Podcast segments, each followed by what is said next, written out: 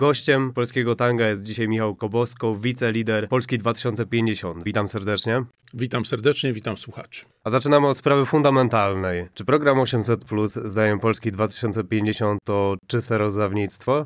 Ta waloryzacja, która ostatnio miała miejsce, bo to był program 500, i ta waloryzacja, to jak ona się odbyła, w jaki sposób została zaprezentowana, to jest rozdawnictwo. Tak. 500 jest programem, który wzbudzał bardzo wiele emocji, programem, który nie osiągnął celów, które były wyznaczone, które zostały zapowiedziane, a tym celem miało być zwiększenie dzietności w Polsce. I to się nie wydarzyło, ale te pieniądze są wpływają do budżetów polskich rodzin i po prostu rodziny w Polsce zaliczają te pieniądze jak, niejako automatycznie do swoich dochodów comiesięcznych. Trudno byłoby dzisiaj odbierać Polakom to, co już dostają. Natomiast jak przyszło do waloryzacji, my powiedzieliśmy bardzo jasno, że to jest ten moment, by uznać, że ta dodatkowa pomoc, te dodatkowe 300 zł powinny być kierowane. Powinny być kierowane do tych, którzy są realnie potrzebujący, którzy są w gorszej sytuacji życiowej, sytuacji finansowej, czyli że powinno być wprowadzone kryterium dochodowe, PSL mówił dodatkowo, że powinna być wprowadzana ta dodatkowa płatność dla osób, które pracują. No tak czy owak, te nasze pomysły i moim zdaniem słuszne idee zostały odrzucone i dzisiaj tak, mamy dalszy ciąg rozdawnictwa w wydaniu PiSu. Dlaczego w takim razie wy z kolei oferujecie tak dużo firmom i przedsiębiorcom? Pieniądze dla ludzi to rozdawnictwo, a pieniądze dla firm są ok?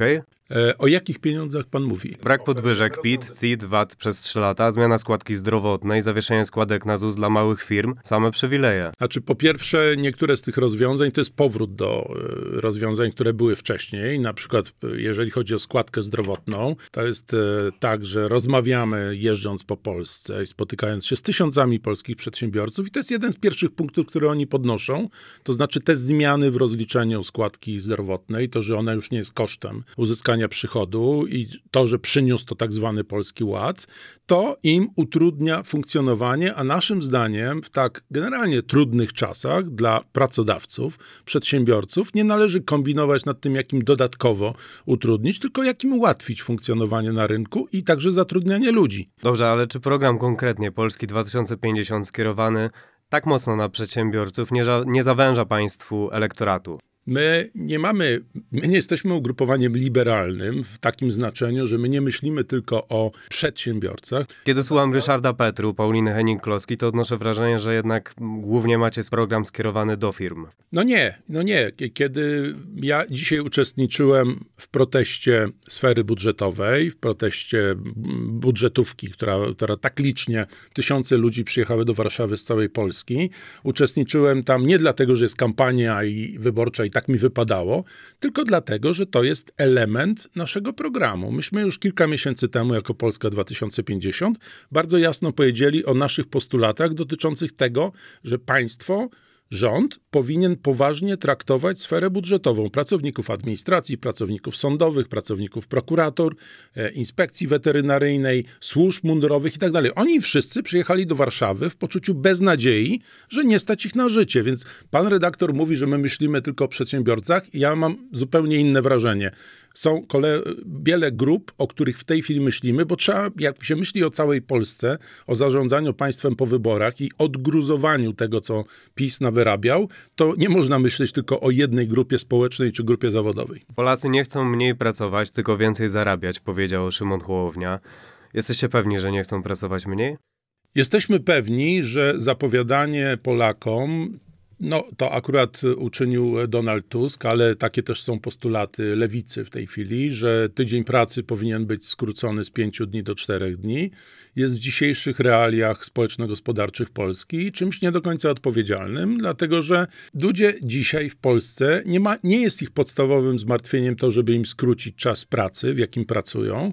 Podstawowym zmartwieniem jest to, jak dociągnąć od pierwszego do pierwszego w sytuacji, kiedy wszystkie koszty wzrosły bardzo mocno, koszty koszty życia, koszty rachunków energii, e, oprocentowanie kredytów, leasingi i tak dalej. To wszystko bardzo mocno podrożało, a za tym przychody, czy to firmy, czy to pensja, nie nadąża. Więc to jest dzisiaj główne zmartwienie i, i snucie takiej wizji, czy przedstawianie Polakom takiej wizji, że jak my przejdziemy do władzy, to na dzień dobry będziecie mieli każdy piątek wolny poza sobotą i niedzielą.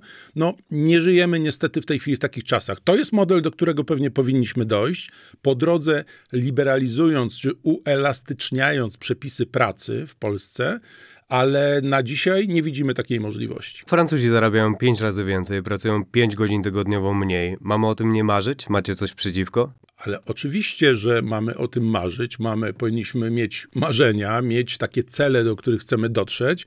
My mówimy o realnym podejściu, nie obiecywaniu gruszek na wierzbie, że coś takiego się wydarzy jutro czy pojutrze. Owszem, są rozwiązania w wielu krajach zachodnich, które powinny być w Polsce naśladowane, stąd Pan redaktor wspomniał o Francji, stąd nasz pomysł wprowadzenia w Polsce tak zwanego PIT-u francuskiego, czyli obniżenia podatków płaconych przez rodziny. Przewodniczący Hołownia mówił w sprawie głosowania dotyczącego, no już jakiś czas temu, Sądu Najwyższego, że opozycji złamano kręgosłup moralny i nie powinna głosować z partią, która łamie konstytucję. Czy to aktualne? Tak, to jest aktualne. Gdyby było dzisiaj to samo głosowanie w sprawie Sądu Najwyższego, jestem przekonany, ja nie jestem posłem, ale nasze posłanki i posłowie głosowaliby tak samo. Okej, okay, ale to było mocne hasło. A kiedy wy spotykacie się w sprawie edukacji z PiSem, to w jakim stanie jest kręgosłup Polski 2050? E, pan redaktor mówi, spotykacie się z PiSem, tak jakbyśmy mieli jakieś regularne narady, potajemne czy niepotajemne. Były, raz odbyły się konsultacje, na które dotyczące naszego programu dla edukacji, jeden z kluczowych elementów i nieprzypadkowo jedna z dwunastu gwarancji, które przedstawili liderzy trzeciej drogi. E, były raz takie konsultacje i my zaprosiliśmy wszystkie ugrupowania, które są w parlamencie, ponieważ wszystkie mają wpływ na podejmowanie tego typu decyzji i przyjmowanie ustaw. E, odpowiedź krótka jest taka, że nie, nie będziemy organizować, a szczególnie w kampanii wyborczej, żadnych spotkań z politykami PiSu, bo politycy PiSu, przynajmniej część z nich powinna zaraz po wyborach odpowiedzieć to, za to, co robili, bo to nie tylko jeden już były minister Wawrzyk e, nawywijał straszne rzeczy i, i musi za nie odpowiedzieć. Czyli może, może to był błąd, skoro jednak łamią konstytucję, może jednak nie powinni państwo organizować tego spotkania w sprawie edukacji z PiSem, gdzie ministrem jest Przemysław Czarnek. Znaczy, gdybym ja dzisiaj organizował takie spotkanie, to pewnie bym PiSu nie zaprosił. Wtedy mieliśmy dobre intencje i uważaliśmy, że to jest potrzebne, żeby szeroko zaprosić e, siły polityczne, które jeszcze raz powtórzę, mają wpływ na podejmowanie decyzji w Sejmie.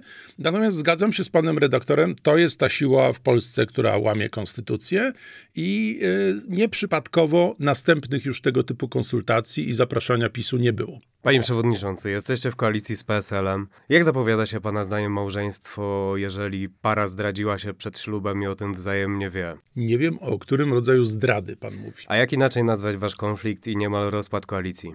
E, nie było niemal rozpadu koalicji, było docieranie się dwóch partnerów. To był okres, nazwijmy go, narzeczeńskim, to było poznawanie się wzajemne partnerów i nie odpowiadam panu PR-owsko, tylko mówię tak jak jest, dlatego że spotkały się dwie partie, proszę zwrócić uwagę, jedyne dwie partie na opozycji demokratycznej, które chciały ze sobą rozmawiać i które się porozumiały co do stworzenia Sojuszu Demokratycznego.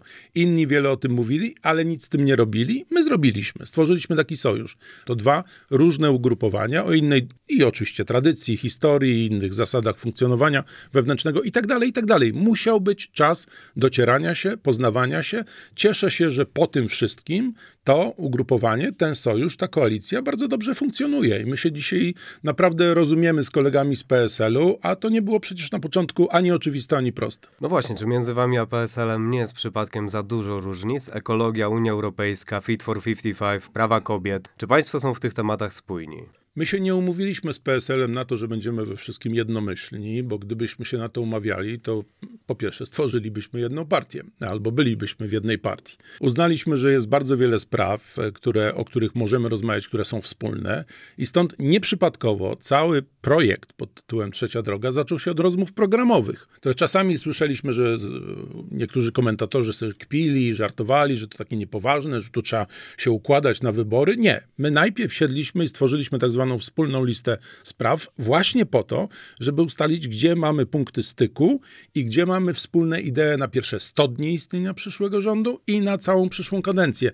I, I stąd ta konstrukcja. A że są między nami różnice? Są i będą różnice. My sobie nie obiecywaliśmy, że we wszystkim się będziemy zgadzać i są elementy programu, które pewnie dla nas byłyby trudne do zaakceptowania w programie PSL-owskim, ale powtórzę, ogromna większość spraw i tych we wspólnej liście spraw już kilka miesięcy temu i tych ogłoszonych jako 12 gwarancji trzeciej drogi, to są punkty wynegocjowane, uzgodnione i takie, gdzie podpisują się obie strony. Ale to od razu początkowe ustalenia jednak nie uchroniły państwa przed tym konfliktem. Poseł PSL Lubczyk ma Ferrari Porsche, lecz pobrał z sejmowej kasy 700 tysięcy zapomogi. E, z kolei poseł Bartoszewski powiedział o tym, że to reprezentant lepszej części kraju, która sama pracuje na swój dorobek. Czy wy też tak uważacie? My uważamy, że to nie są szczęśliwe wypowiedzi w polskiej polityce. My byliśmy krytyczni wobec tych faktów, o których pan redaktor powiedział. My uznaliśmy i wysłuchaliśmy argumentów i wyjaśnień też, które dostaliśmy ze strony kolegów z PSL-u. I trzeba sobie jasno powiedzieć, to jest sojusz dwóch ugrupowań, sojusz dwóch ugrupowań, który zawsze polega na dogadywaniu się, na ucieraniu się, na znajdowaniu kompromisów, żeby ten sojusz mógł dobrze funkcjonować. Dzisiaj on dobrze funkcjonuje. E, pewnie gdyby pan Lubczyk z naszej listy startował do Sejmu, to pewnie byśmy byli mniej, e, powiedziałbym, e, entuzjastyczni wobec, wobec takiego pomysłu po ujawnieniu takich właśnie faktów, o których powiedział pan redaktor. Koledzy z PSL-u nas przekonali co do tego, że pan poseł Lubczyk przez 4 lata swojej pracy w parlamencie dobrze wykonywał swoją pracę i że powinien mieć szansę na kontynuowanie swoich obowiązków, ale dalej, dalej to zdecydują wyborcy 15 października, a nie my, czy między innymi poseł Lubczyk może liczyć na ich zaufanie. No ale mówili państwo, że nie mogą przyjąć Michała Kołodziejczaka do koalicji, dlatego że on i jego ludzie są niesprawdzeni, a potem wychodzą takie sprawy jak poseł Lubczyk albo e, niedoszła senatorka Zych. No, jeżeli chodzi, pan konkretnie pyta o pana przewodniczącego Kołodziejczaka z Agrounii, no to trudno byłoby określić to środowisko mianem sprawdzonego, dlatego że to jest organizacja, której do tej pory nie było w polskim parlamencie. To jest nowa organizacja o znanych metodach funkcjonowania, działania, oddziaływania na rzeczywistość. My mieliśmy rozmowy z panem Kołodziejczakiem, mieliśmy rozmowy z Agrounią i po tych rozmowach e, zdecydowaliśmy, że nie jesteśmy w stanie obdarzyć na tyle zaufaniem tego środowiska, którego nie znamy po prostu jako środowiska, jako całości. I, e, i stąd nasza jednoznaczna decyzja, że pana Kołodziejczaka nie zapraszamy na nasze listy wyborcze. Ja wiem z tych rozmów, które z nim odbywałem, że on był niezwykle zdeterminowany, żeby wystartować w tym roku do Sejmu. No i dopiął swego, jest dzisiaj, można powiedzieć, jednym z liderów Koalicji Obywatelskiej, jeżeli chodzi o obecność w mediach i aktywność. A w temacie ostatnich gorących wydarzeń, czy pana zdaniem afera wizowa PiS może być takim politycznym game changerem tych wyborów? No o game changerach to y, można mówić wtedy, kiedy już jest pewien czas po nich. Czy to ma szansę dotrzeć do elektoratu w ogóle PiSu? Myślę, że ma, dlatego że oczywiście media tak zwane publiczne, które pod rządami PiSu niestety nie są mediami publicznymi, tylko są mediami jednej partii, oczywiście robią wszystko, co można, żeby starać się przemilczeć to, zakopać pod dywan, udać, że nie ma tematu. No ale jeżeli coś może no, uderzyć, czy dotrzeć do, do wyborców Prawa i Sprawiedliwości, którzy generalnie wierzą swojej partii i uważają, że to inni są złodziejami, oszustami, agentami obcymi itd., tak itd. Tak I nagle dostają taki oto przypadek, kiedy okazuje się, że osoby należące do elity partii Prawo i Sprawiedliwość, e, pełniące funkcję, tak jak w tym przypadku wiceministra, ale on nie mógł, po prostu nie mógł w polskim systemie administracji polskiej, nie mógł działać sam, i musiał mieć na to placet, zgodę e, ze strony swojej góry i to najwyższej góry, że te osoby są zaangażowane w taki proceder, gdzie ktoś sprywatyzował sobie rynek udzielania wiz e, dla osób spoza Europy, osób z Azji i z Afryki, Afryki, wprowadzając te osoby prawdopodobnie setki tysięcy wydanych w ten sposób wiz, czy sprzedanych w ten sposób wiz. Ci ludzie przyjechali do Polski, a potem rozjechali się po Europie, dlatego że tak działa strefa Schengen. No, pół świata, już nie tylko Europy, ale zadaje pytanie, co się takiego w Polsce dzieje, na czym polega tak straszny bałagan, chaos i kto tak naprawdę stoi za tą aferą, która tak, to jest najpoważniejsza afera w ciągu 8 lat rządów PiSu. Tak, to bardzo poważna afera, ale też y, łatwo jest zawsze mówić jednak o władzy, nawet jeżeli popełniasz tak wielkie grzechy. Ale to, co mnie zastanawia, to jedno. Jaki plan wobec granicy polsko-białoruskiej ma dokładnie Polska 2050? No, mamy po pierwsze taki plan, że wszystkie granice, nie tylko ta, mają być bezpieczne. Mają być granicami bezpiecznymi.